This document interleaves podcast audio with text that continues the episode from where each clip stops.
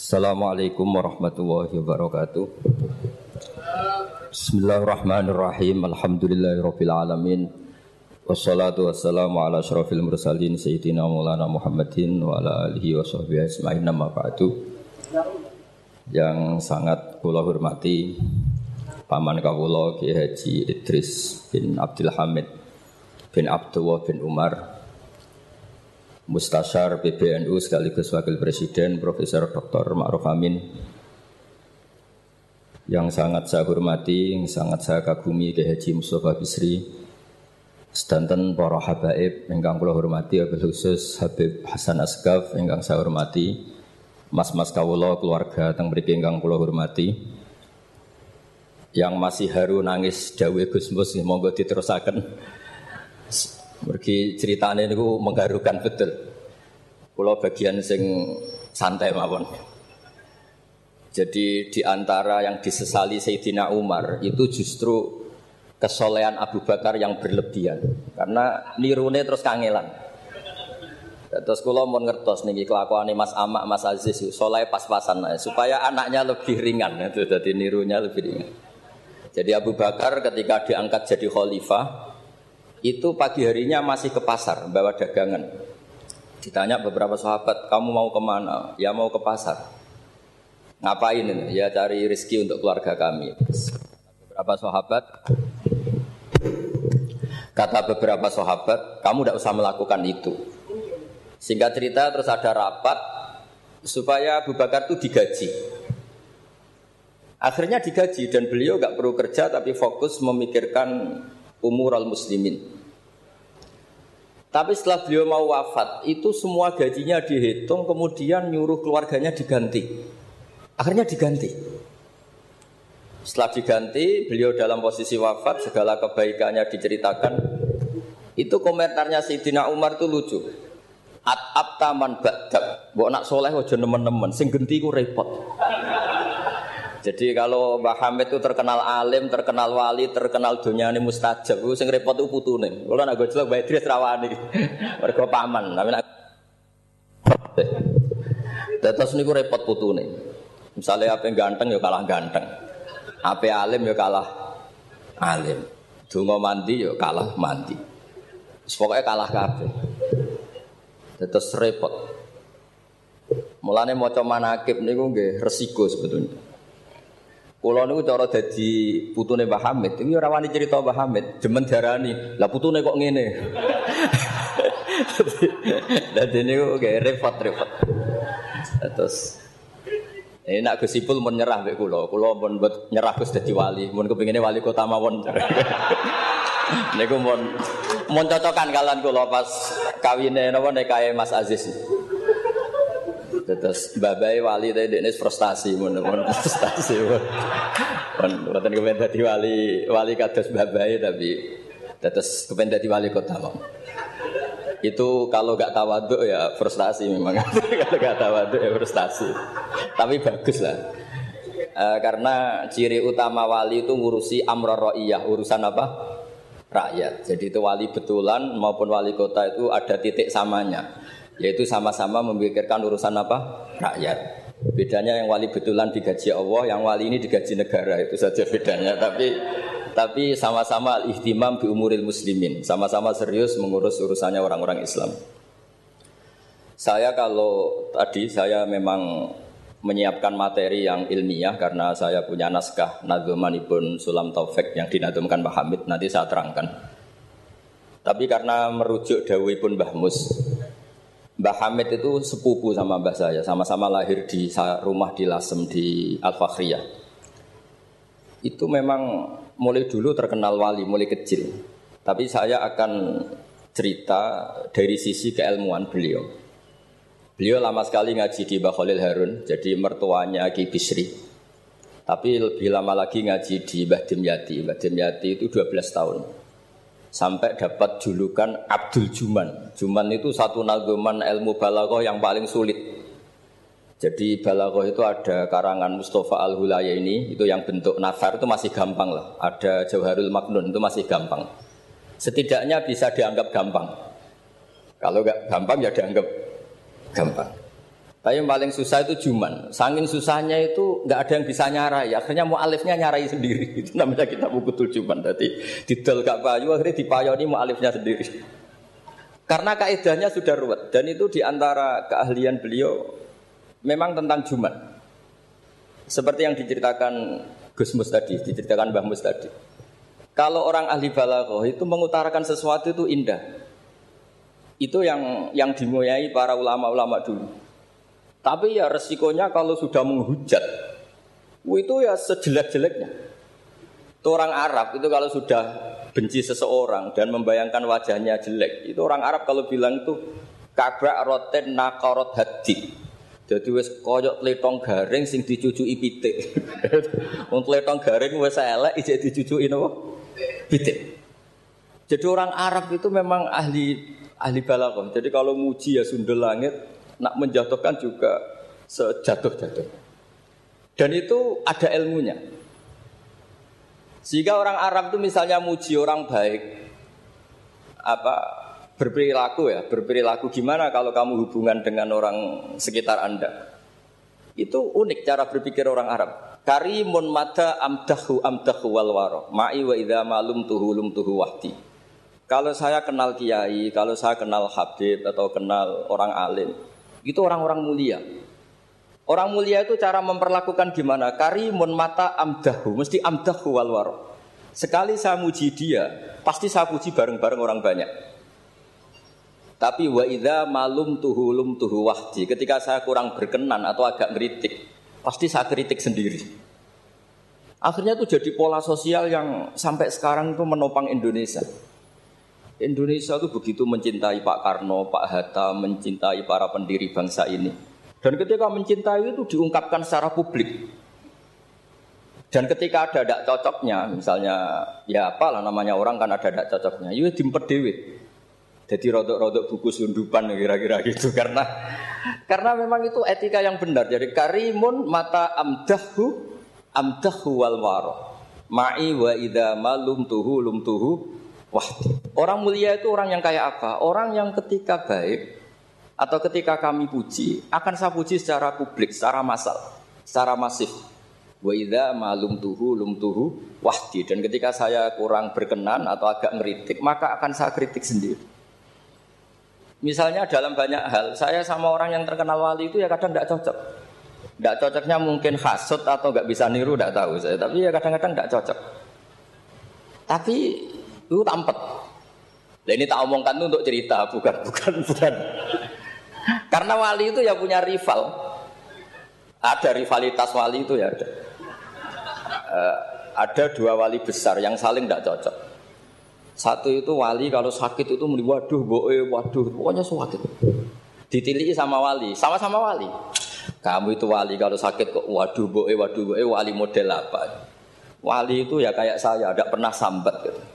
Kalau sakit pun menengahi. Terus justru itu masalah kamu di situ. Sok wali pakai perilaku wali. Justru saya seperti ini jadi wali karena koyok wong awam. Ini tawaduk saya. jadi ini dua wali besar. Kucul-kucul kan. Maka kalau ada orang muni waduh bu ya anggap wali yang sedang tawaduk meniru orang awam itu. Atau memang awam betul. jadi wali itu ya kan. Ya saling tidak cocok. Maka masyur dalam cerita Abu Yazid Al-Bustami itu beliau GR sama Allah sampai tanya, ya Allah yang setingkat dengan saya itu siapa? Itu dijawab yang tidur dekat kamu itu satu kamar tidur terus hanya sholat fardu dia bangun. Padahal Abu Yazid itu tahajud, witir, apa saja dilakukan. Terus tanya sama Allah, kenapa ya Allah? Kamu itu ibadah serius sama saya itu kayak nganggap saya gimana gitu. Kalau kamu udah ibadah kayak mesti saya hukum. Kalau ini tidak, nganggap saya itu baik. Terus ditinggal tidur. jadi saya ini agak ya kalau ya tadi ingin jadi wali yang jalur-jalur gitulah, yang yang kayak kayak gitu. Ya jalur-jalur gitu lah. Ini bisa ditiru tapi kayaknya yang sudah dikasih saya itu jadi tidak semua tidak semuanya bisa niru. Karena wali ilmu itu beda. Harus menjaga konstitusi ilmu. Jabir bin Abdullah itu tahu pakaian kalau orang sholat seperti ini.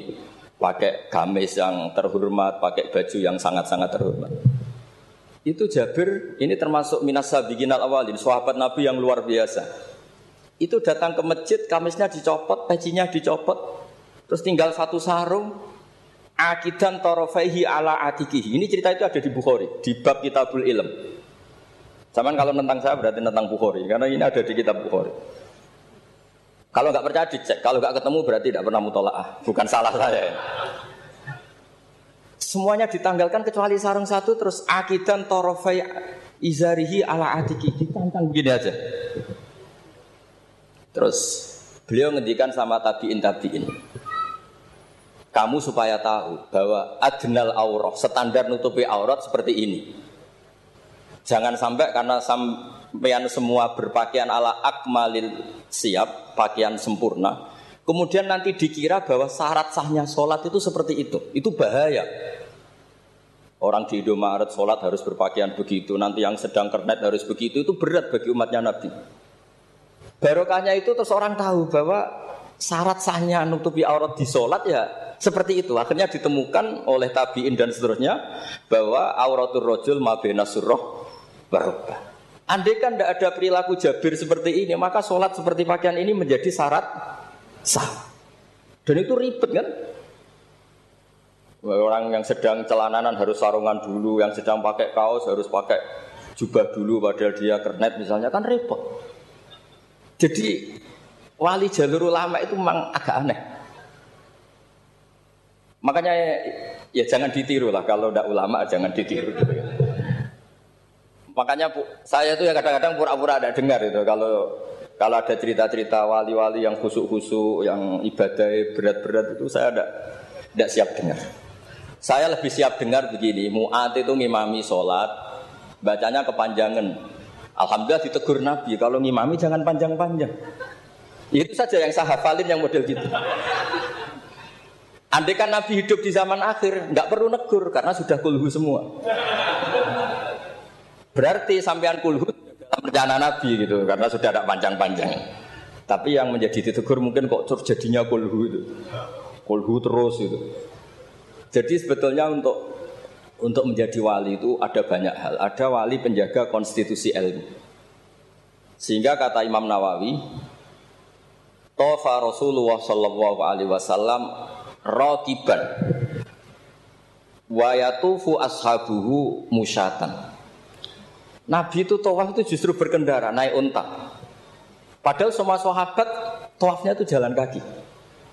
Kata Imam Nawawi, Nabi yang tawaf berkendara itu afdolu wa afdolu bi alfi darojatin dibanding tawafnya sahabat yang jalan kaki. Meskipun secara kaidah al ajur bi kodrit tak.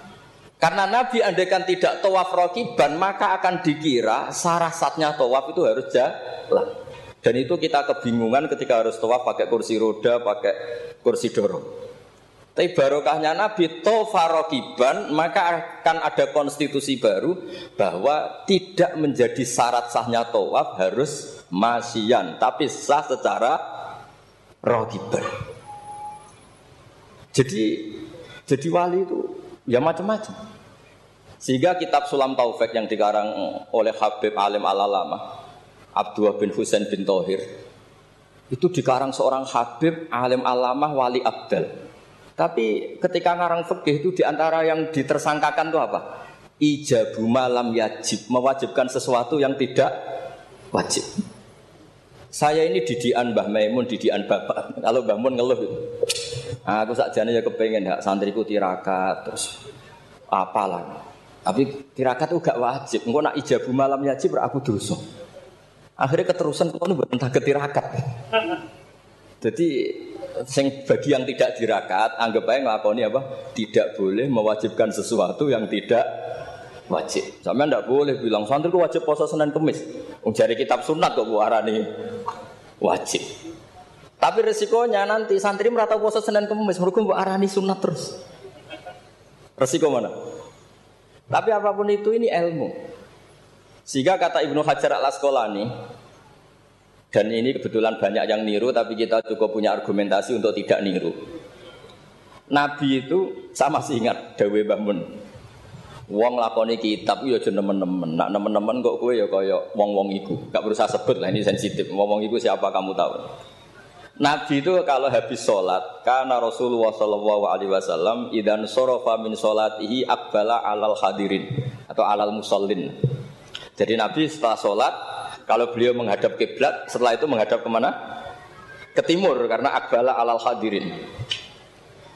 Tapi para syurrahul hadis, para syurrahul Bukhari itu menafsirkan itu tidak harus menghadap ke timur.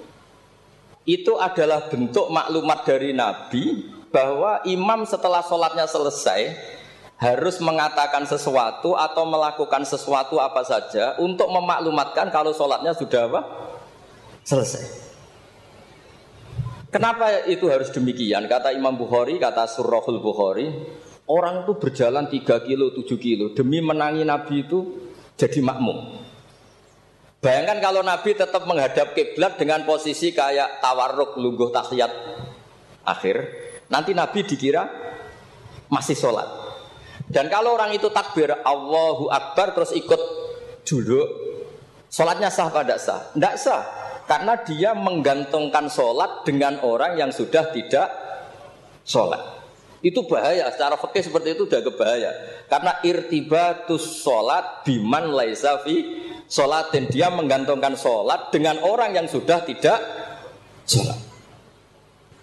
Dan itu secara fikih bahaya, maksudnya bahaya dianggap gak sah. Untuk memaklumatkan itu maka Nabi menghadap ke timur kalau dalam konteks Indonesia supaya mereka tahu kalau Nabi sudah tidak sholat. Nah, Kiai Kiai Jawa pinter, penggantinya kalau madep timur kok sawangane apa yang ngandani. Akhirnya madep ngalor. Ini sudah kompromi politik, ini sudah ada ngadep netan, tapi madep ngalor.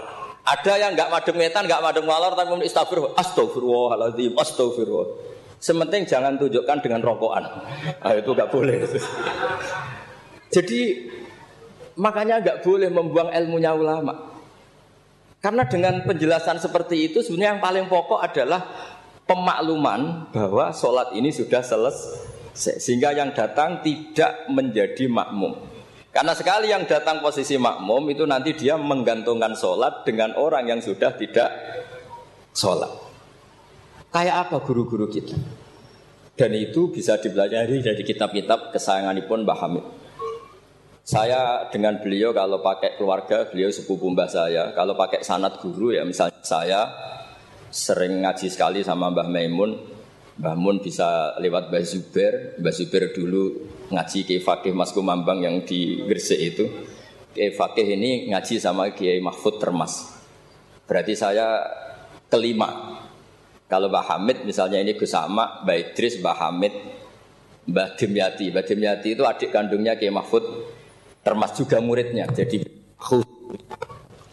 jadi tong Sanat itu nanti ketemu semua di Sayyid Abi Bakar Sato, pengarang I'anatut Tolibin. Atau misalnya saya pakai saya Mbah Mun, Mbah Karim Lirboyo. Mbah Karim ini sama Syekhona Khalil atau sama Mbah Hashim. Setelah itu Mbah Mahfud ya sama Dugi Sayyid Abi Bakar Sato. Karena Syekhona Khalil di beberapa manakibnya itu pernah ngaji langsung sama Sayyid Zaini Dahlan, gurunya Sayyid Abi Bakar apa? Sato. Tapi ketika masih uh, sebagai tolibul ilmi pernah ngaji juga di Sidogiri, pernah ngaji di babah istrinya Gus Aziz ini di Kiai Nur atau di Kiai Soleh di Langitan. Jadi kesanatan guru kita ini sama. Di antara aturannya adalah tadi, konstitusi ilmu itu harus dijaga. Karena kalau nggak dijaga itu umat akan ngira itu aturan baku dan itu bahaya. Bahaya sekali, bukan sekedar bahaya, tapi bahaya sekali. Sehingga Said Abdullah bin Husain bin Tohir dalam Sulam Taufik itu di antara pantangannya ahlul ilmi itu ijabu malam yajib. Mewajibkan sesuatu yang tidak wajib. Makanya saya sering nangis. Andaikan orang-orang Islam itu ikhlas dan berperilaku kayak umumnya orang itu jadi wali semua. Karena yang qobliyah terus ya baik, yang badiah terus baik, yang tahajud witir ya baik. Tapi bayangkan misalnya ada orang mau masuk Islam. Kebetulan sing didelok orang seperti itu, rasido Islam kira-kira. Duha walang rokaat. Sholat duha itu paling abdul kan 8 duhur, kobliyahnya 4, badiahnya 4. Asar, Qobliyah, badiahnya goblok kalau asar. Bukan, bukan dipuji karena salah. Maghrib, sholat awabin sampai isya. Isya itu wit, witir itu sebetulnya 11 rakaat. Ditambah badiah isya berarti 13 rakaat. Iku kira-kira sing apik Islam ora sida, mergo wegah salate. Tapi baru kayak wong Islam sing ora soleh-soleh, salate pas pendak maktubah. Wah kita Islam kok gampang. Cek rokokan, bareng komat pateni, semelok sholat. Bar salam balik nang rokoknya di rokok. Ya sudah gitu sampai mati gitu. Kok kok penak ternyata Islam itu udah tidak ber. Itu juga ada sanatnya. Ada seorang Arabi tanya, "Ya Rasulullah Islam itu apa?" Khamsu sholawatin. Terus dia tanya, "Hal alayya ghairuha ya Rasulullah?" Qala la illa anta tawwa. Gak isi kutok pas. Sampai lima rukun Islam dijawab. Dan si bedui ini bilang apa? Wallahi la azidu ala dzalika wala angkus. Saya demi Allah, tidak akan saya kurangi, tidak akan saya tambahi. Pas ya Rasulullah. Tapi ini Islami bedui loh, sama nak niru monggo. Tapi apa kata Nabi? Man sarrohu ayang dzura ila ahli jannah fal yang ila hada. Siapa yang suka melihat ahli surga, lihat orang ini. Orang yang sudah bersumpah tidak akan menambah ibadahnya sama sekali. Kamu tidak boleh niru itu. Tidak usah saya larang juga sudah sebagian begitu. Tapi itu barokahnya luar biasa. Di kitab Majmuk, sarahnya Muhadzab itu. Setiap ada ulama yang mengatakan witir itu wajib. Ada juga ulama yang mengatakan witir itu wajib. Itu langsung wahada batilun li hadisil a'robi. Pendapat itu jelas salah li hadisil Arabi karena ada hadis Arabi jelas tanya Nabi hal ya ghairuha ya Rasulullah di luar lima waktu itu apa ada yang wajib? Kolala. Jadi barokahnya bedui ini. Setiap ada ide witir wajib tahajud wajib. Pernah ada ide-ide itu? Ya ada. Itu langsung wahada batilun di hadisil Arabi ketika era Imam Malik beliau mengarang muwatta. Ini sebagai bentuk penghormatan saya sama Mbah Hamid karena kalau beliau terkenal wali itu tidak usah saya terkenalkan. Saya akan mengikuti Mbah Mus tadi. Sisi belatapa beliau seorang alim alama, seorang ahli balaghah. Nanti saya baca, saya juga bawa manakibnya beliau. Ketika Imam Malik mengarang muwatta, itu di teks muwatta itu ada kalimat begini. Ghuslul Jum'ati, ada yang baca Ghuslul Jum'ati wajibun ala kulli muhtalimin Mandi Jumat itu wajib bagi setiap yang sudah akil balik. Al witru hakun wajibun ala kulli muslimin. Itu Imam Malik langsung nyusuli. Laisa huwa kama tarawuna. Makna wajib di situ bukan seperti yang kamu bayangkan. Jadi tidak wajib kalau ditinggal nggak mandi terus nggak apa? Sah. Lagi-lagi jawabannya apa? Li hadisil a'robi. Nah ini juga harus ada yang menjaga konstitusi seperti ini. Sehingga kata Sayyid Zabidi, pengarang kitab Ithaf itu. Kalau kita sampai Ithaf ya hitung saja. Setelah Mbah Mahfud, Mbah Mahfud ini punya abah alim alama namanya Abdullah. Abdullah punya abah alim alama namanya Abdul Manan. Abdul Manan ini awaluman lazama Sayyid Zabidi sohibul Ithaf di Mesir.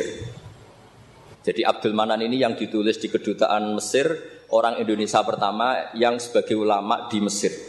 Beliau ngaji mulazamah sama sahibu Syarhil Ikhya. Gini gue beliau mulazamah kalian sengarang Ithafus Sadat Al-Muttaqin. Namanya Sayyid Murtado Azabidi.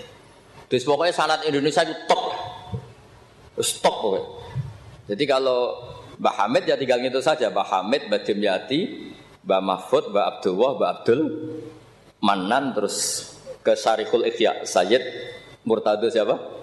Azabidi. Itu kata, kata Sayyid Murtado Azabidi ketika muji tadi. Muji-muji ilmu. Seorang lagi apa? Muji apa? Ilmu. Konstitusi ini harus dijaga. Apa pun tidak cocoknya kita. Kadang-kadang kita sebagai orang alim itu kan kalau seneng tirakat, santri ini wajib tirakat. Sirah seneng tirakat, santri ini rawlah tirakat. Itu tidak boleh seperti itu. Yang seneng di monggo, tapi jangan sampai mewajibkan. Yang nggak seneng yo tirakat ben sekali-kali ngelawan nafsunya gitu. Wong kok menuruti. Kalau niku masih nggak tenang ya sering tirakat, tapi sama perlu tak kandani. Kalau aku pengen ikhlas ora riak jadi. jadi sampai rawol lagi gugat kalau Gus ora tau tirakat. Ya misalnya tirakat ora tak kandani sampai. Jelas termasuk tirakat kula niku kula nak diundang wong kangelan kecuali pernah sepuh. Ini agak diregani ya kebangetan gitu. Jadi sing ngundang kula ora pernah sepuh ya kebangetan. Kok enggak tahu diri jadi. Wong karuan ra oleh kok dilanggar wae Di kitab Jamul Jawame, di kitab-kitab itu, konstitusi ilmu itu dijaga. Sehingga sekali kitab itu diutarakan orang alim alama. Saya yang merasa utang jasa sama Sayyid Zabidi itu satu. Yang paling saya ingat itu satu. Allahumma sholli ala Sayyidina Muhammad atau ala abdika rasulika Itu beliau mengurai. Wah itu luar biasa. Di antara orangnya begini.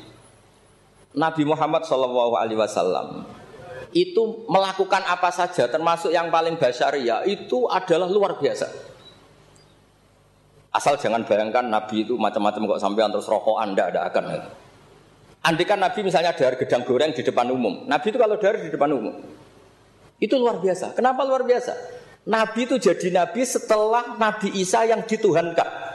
Jika Nabi harus sesering mungkin memperlihatkan al-a'rad al-basariyah. Beliau harus menunjukkan bahwa sisi bahwa beliau adalah seorang manusia. Sehingga Nabi Dahar itu dengan sampean poso setahun, ikut mulia Nabi Dahar. Karena sekaligus pembatalan rububiatun Nabi atau iddia rububiatin Nabi. Dengan seperti ini Nabi sama juga memaklumatkan saya ini manusia. Buktinya saya dan kayak apa kalau dibaca secara ilmu? Karena Nabi jadi Nabi setelah Nabi siapa? Isa.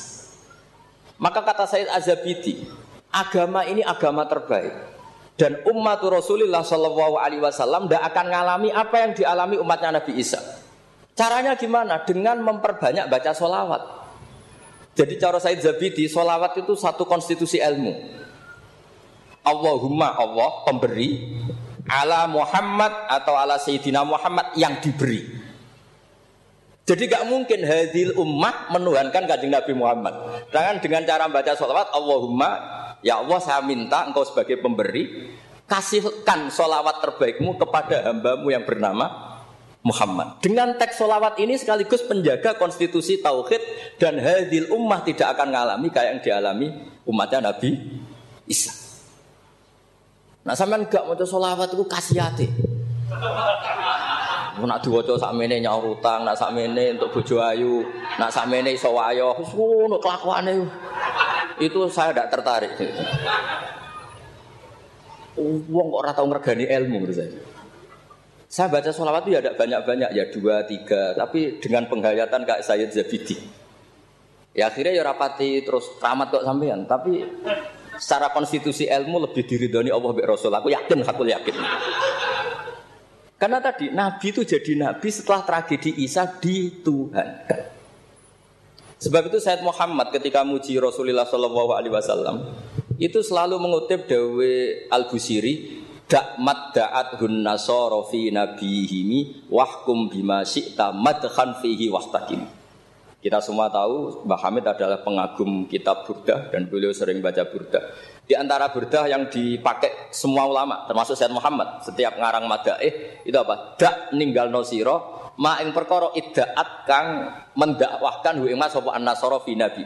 Yang penting kamu muji nabi, aturan dasarnya apa? Tinggalkan apa yang pernah dilakukan orang Nasrani yaitu saking mujinya Nabi Isa sampai menuhankan Isa. Itu saja kamu hilangkan dak madda'athun nasara fi nabi.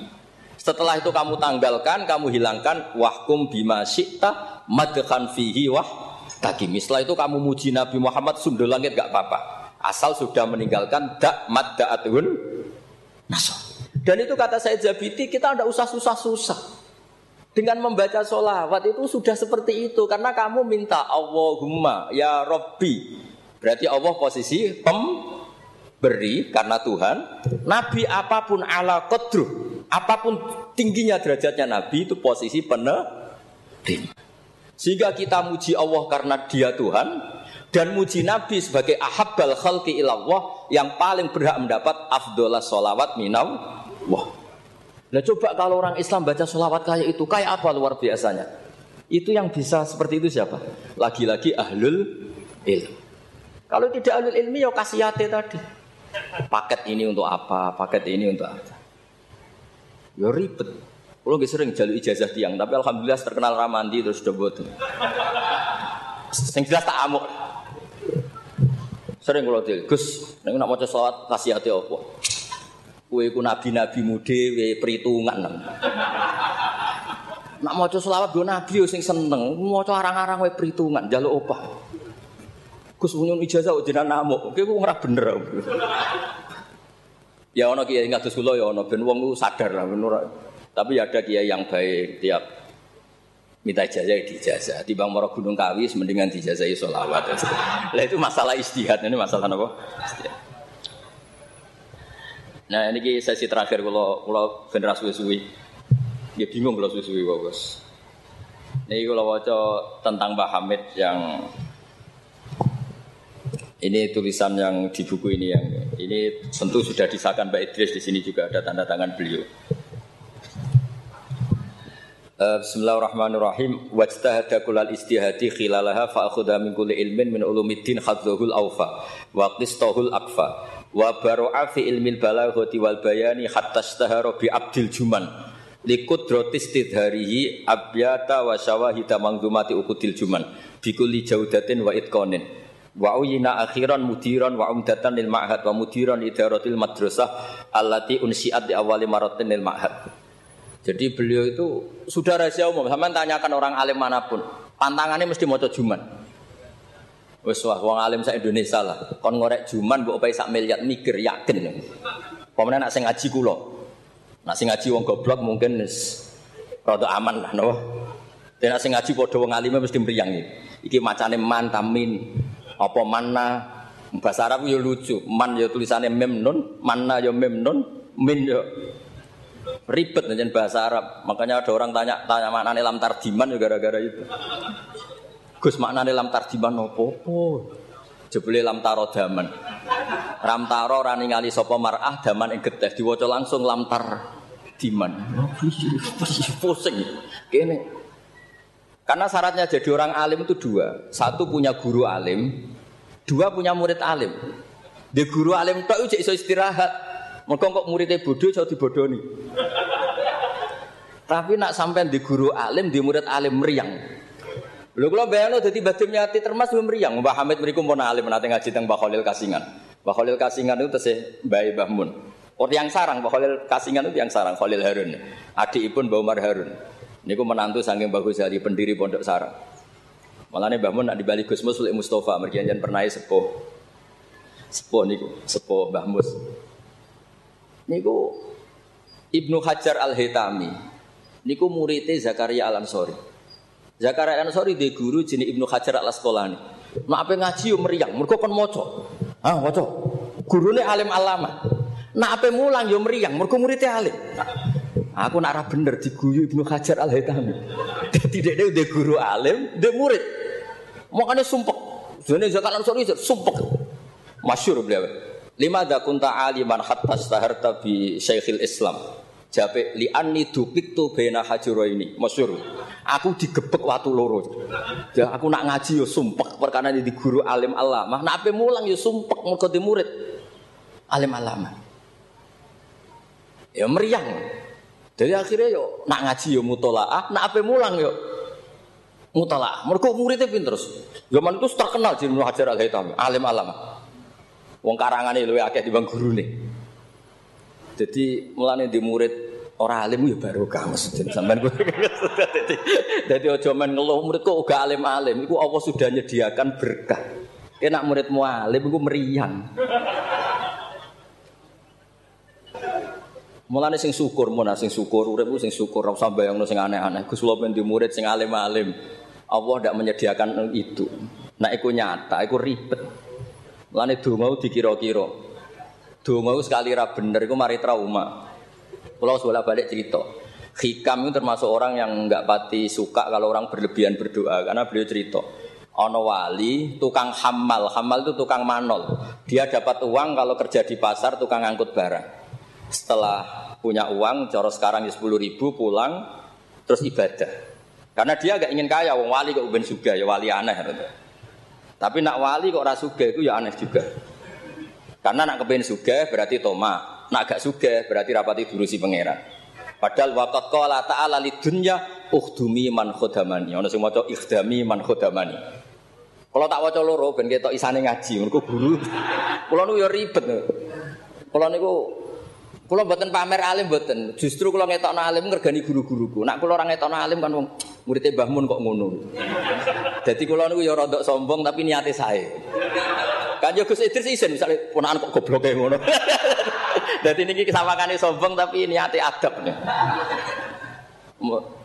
Mboten niki jujur mawon. Dadi kadang wong sawangane sombong hakikate iku adab. Cara bapak ngoten. Jadi wong sawangane sombong tapi apik. Ya mergo wau saking tahadus bin bin. Wong nak wali tenan mesti Allah dawono ning donya ukhdumi man khodamani atau ikhdami man khodam. Wong sing ngurusi aku iku ngurusi. Makanya mesti atat dudunya wahya rahimah. Wong wali ku mesti donya teko meskipun dia tidak seneng. Lalu sing nawani mobil Mercy kayak Hamid zaman itu Mercy mewah-mewah mobil kayak kuat. Ya rapati ono cerita butuh di Fatihah untuk punya mobil. Dan Mbak Bisri ya luar biasa masih konco ngakoni nak dongane Pak Hamid. Manti. Meskipun ya sering bodoni Pak Hamid Ki Bisri, masyhur ceritanya. Ki Bisri nanti diundang ke mriki mboten disangoni Mbak Ki Hamid. Umur kok konco. Wis dah aku rabuk sangoni klabimu tak pek. Bareng dipek dibeto teng kasing teng Rembang mriko didol mbek muhibine Mbah Hamid. Payune luwih larang timbang harga harga balik. Zaman itu misalnya umumnya balik dipangoni sak juta setengah, itu payu tolong juta. Yo gak ono cerita ngoten enten WA, kayak bisri kalian ke Hamid atau WA nan. Barang kayak bisri swan mriki, susuke Kang, susuke Kang. Jadi di sini wali ya ya rileks guyon nanti. Jadi singkat cerita nih hamal nih donga ya Allah kula niku wali, mau kepen mangan sak piring udah dadi hamal. Kula niku sukani rezeki sing ora usah kerja. Walhasil beliau itu udu iya sarikon di dakwah dia mencuri terus di penjara. Penjara untuk jatah mangan, tiap hari untuk jatah mangan. Gusti kenapa harus penjara? Kan kamu minta rezeki tanpa kerja. Gak iso sampai pangeran ralat doa bukan sakit. Mulane donga niku aja aja yo sing ana sunah Rasul. Mergo nak sekali keliru ning ribet. Mulane kula nate wonten tiang melarat wedok elek kebetulan niku rayu. Yo dongakno Gus, dongakno bojo kula niku sugih. Aku ya tak jawab. Sampean siap nak bojomu sugih? Maksudnya nak sugih mesti pertama digenti ku omah. Bariku mobil. Bariku mesti dievaluasi ku sampean. omah wis apik, mobil wis apik, mau karek sitok. Kok penumpangnya ngene. Akhirnya pun Gus Rafsa, Gus Rafsa. Jadi, jadi dongo itu ya kudu dipikir. Lho coba setelah potongan wong lanang gak padha wae lah susu. Coba ketika omah mewah, mobilnya mewah misalnya Alphard. Terus yang melebu seperti itu ya gak usah dijelaskan itu kan. Coba apa yang kira-kira dievaluasi ini? Rumah sudah diganti mobil. Yang kira-kira diganti apa coba? Sakit, buatan kus nautan, buatan sabar. Jadi kalau berkali-kali membatalkan doa. Karena timbang dongo ketok ramandine atau ya sudah seperti itu. Ini gue kayak trik nih, ketularan gosipul politik nih. Itu sangat politik. Mohon kalau mau coba sing sing mudawan. Nah, saat senang kalau buku tentang beliau itu mudawan. Karena kalau tidak mudawan itu nanti nasibnya Mbah Hamid kayak les.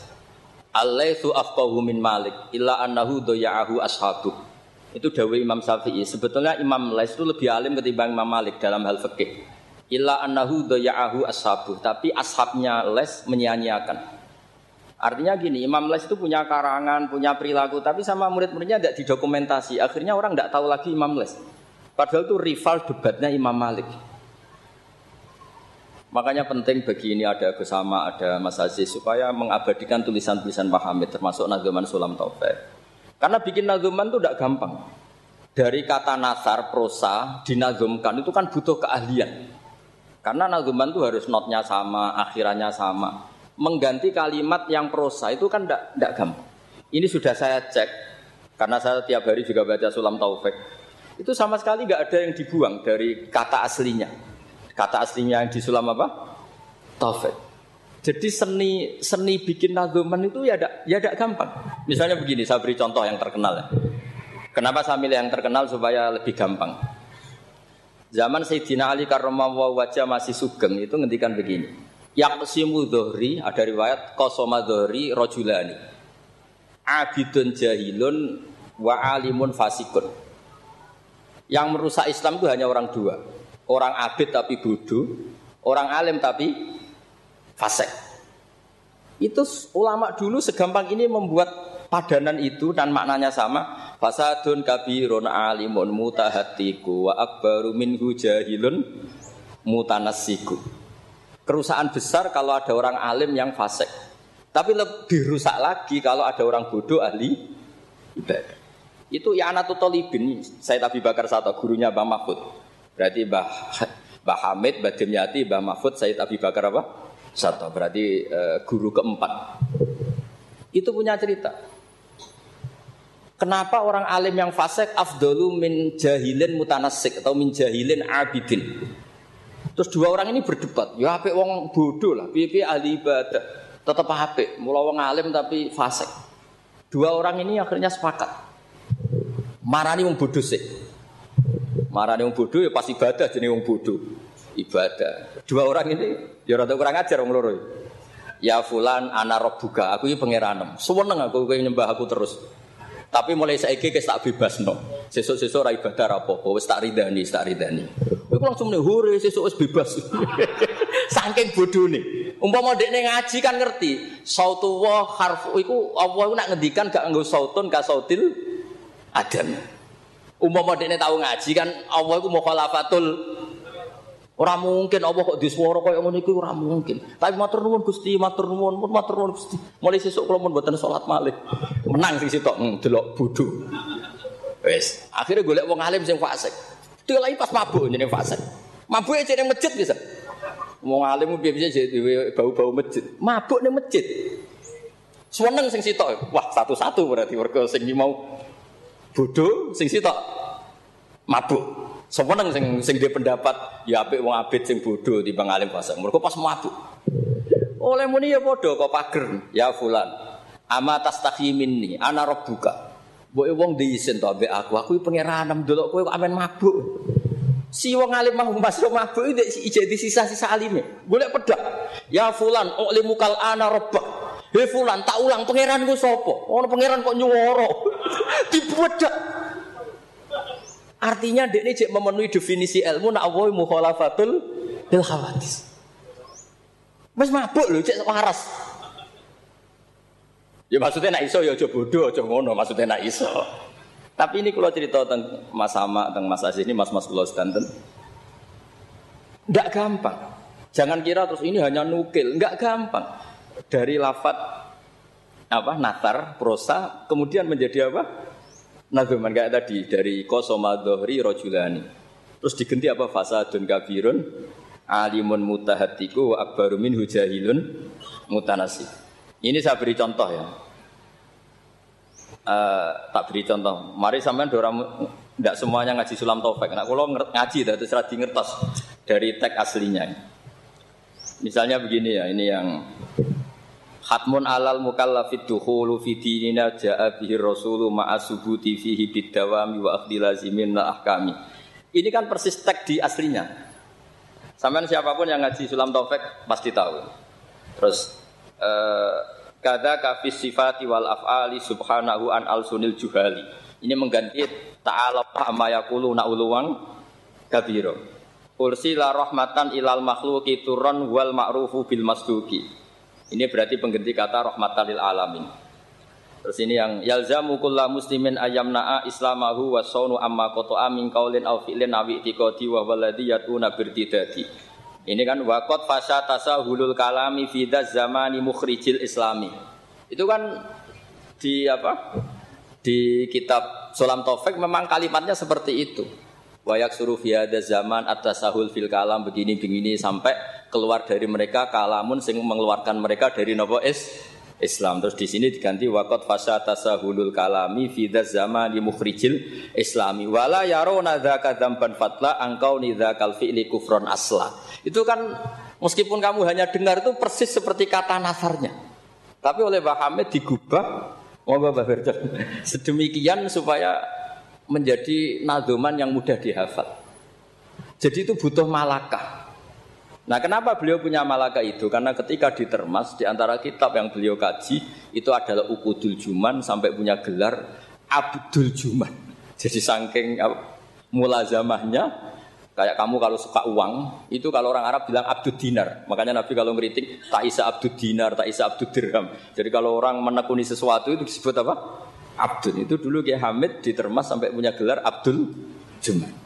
Uh, saya kira ngoten nggih mun niki pun masyhur sedanten. Assalamualaikum warahmatullahi wabarakatuh.